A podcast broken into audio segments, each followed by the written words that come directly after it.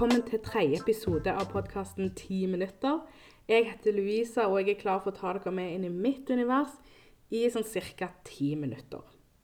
Siden sist har jeg to ting som er skikkelig bra, som jeg vil dele med dere.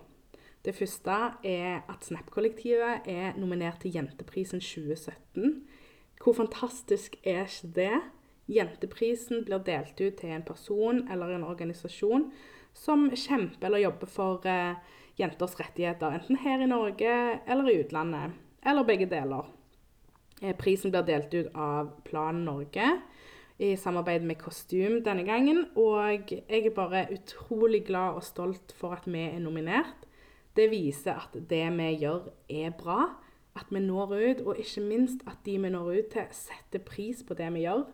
Og det føles så godt. Jeg må bare få takke følgerne våre, som er så engasjerte, og ikke minst for at dere nominerte oss.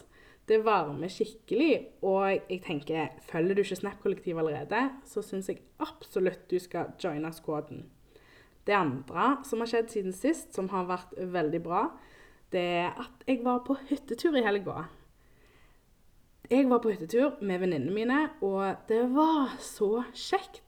Vi har snakket om å reise på denne hytteturen jeg aner ikke hvor lenge, flere år. Og endelig fikk vi fingeren ut og dro på den forbaska hytteturen, og det var så utrolig kjekt. Vi hadde det så fint. Det var så kjekt å kunne bruke tid på vennene dine og bare nyte en hel helg sammen uten å tenke på at klokka er mye, vi må komme oss hjem.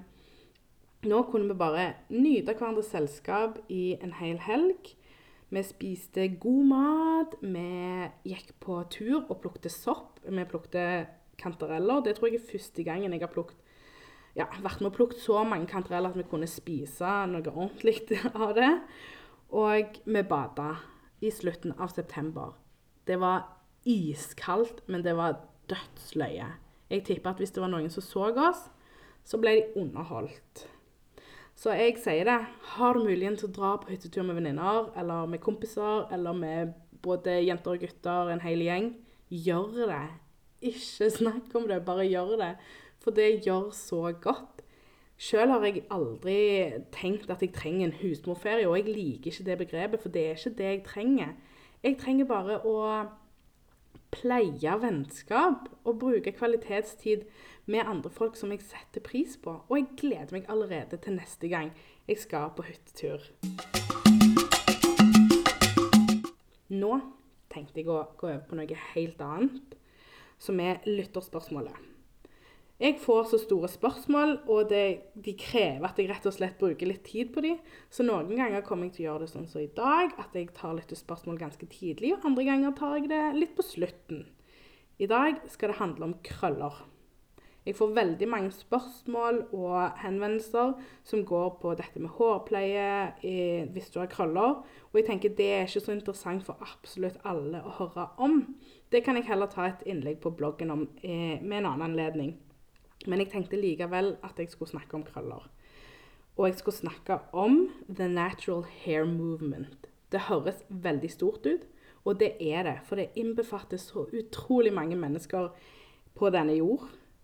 Fordi vi er faktisk ganske mange som har krøller. Og vi trenger denne bevegelsen rett og slett fordi i underholdningsverden og i skjønnhetsindustrien så blir vi unektelig servert det hvite skjønnhetsidealet som normen. Og det gjør det selvfølgelig veldig vanskelig å omfavne sin naturlige skjønnhet og sitt naturlige ytre om det viker veldig fra denne normen. Og for å ikke snakke om at spesielt jenter og kvinner, som er det jeg har mest kjennskap til, kan oppleve at sitt naturlige ytre blir forbudt. Hvor sykt er ikke det?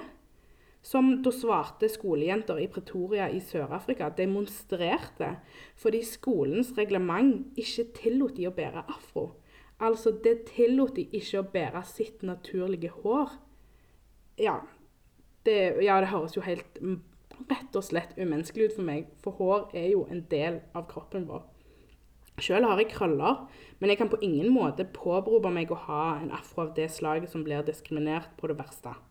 Det er i utgangspunktet at håret er så krøllete og har en struktur som bare tillater det å vokse i en afro.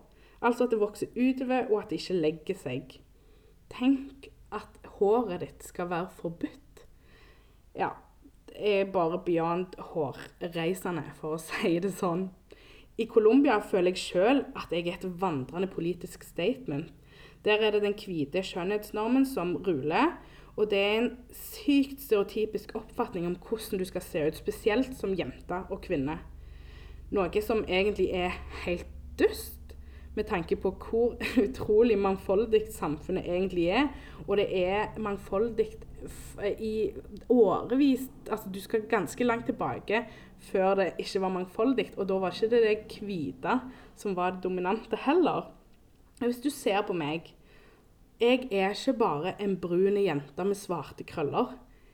Jeg er etterkommer av urfolk fra Latin-Amerika. Jeg er etterkommer av hvit europeer og jeg er etterkommer av afrikanske slaver. Mer mangfoldig får du det ikke, og jeg syns det er utrolig vondt og urettferdig av deler av min identitet skal undertrykkes mer enn den andre. Egentlig skulle jo ingen undertrykkes. Her i Norge så opplever jeg selvfølgelig at jeg er annerledes. Det er fordi jeg lever i Norge. Her er majoriteten hvite nordmenn. Og jeg ser ikke på det som noe negativt å stikke med Gud. Det har jeg egentlig alltid satt pris på. Og jeg blir selvfølgelig kjempeglad når noen sier at jeg har fint hår. Og jeg blir heller ikke fornærma hvis noen spør om de kan kjenne på det. Men jeg savner én ting, og det er selvfølgelig representasjon, spesielt i det offentlige. Og ikke minst kunnskap om krøller og pleie for oss med krøller. Når jeg går til frisøren, så er de kjempeflinke å klippe håret mitt. For det er ikke så mye hokus pokus med mitt hår. Det er veldig enkelt hår å ha med å gjøre, så der må du bare klippe det som vanlig. Men så klemmer de bitte litt sånn hårolje her og der, og tar minimalt med en eller annen hårkrem. Bare spush, klemmer det inn og tenker at vips, da var det klart. Men så enkelt er det ikke rett og slett med krøller. For krøller det er jo en vitenskap i seg sjøl, har jeg funnet ut. Jeg fant det ut på en måte. Og det var rett og slett at jeg var veldig sulten på mer melanin i feeden min. Melanin er hudens brune pigmenter, og jeg syns det ordet er så fint at det velger jeg å bruke. Jeg gikk på Instagram og jeg prøvde å finne folk som ligna mer på meg, folk jeg kunne identifisere meg med. Ikke bare utseende, men òg eh, kulturelt. Og jeg fant seriøst et helt univers av krøllejenter. Jeg søkte 'curly girls'. Og ja, jeg har ikke bare funnet en haug med, med flotte og sterke og kunnskapsrike damer jeg kan følge, der jeg kan få litt mer sånn mangfoldig, eh, fargerik eh, feed. Jeg fant så mange tips og så mye kunnskap om håret mitt. Og det gjør meg egentlig veldig godt, for bare, det er ikke bare så enkelt som at det er Yes, nå kan jeg pleie håret mitt sånn som jeg burde. Men jeg føler òg at jeg pleier en stor del av min identitet på den måten det fortjener å bli pleia på. Så derfor vil jeg snakke litt om krøller i dag. Nå tenker jeg at jeg eh, begynner å wrap it up. Jeg eh, gleder meg allerede til å spille inn neste episode.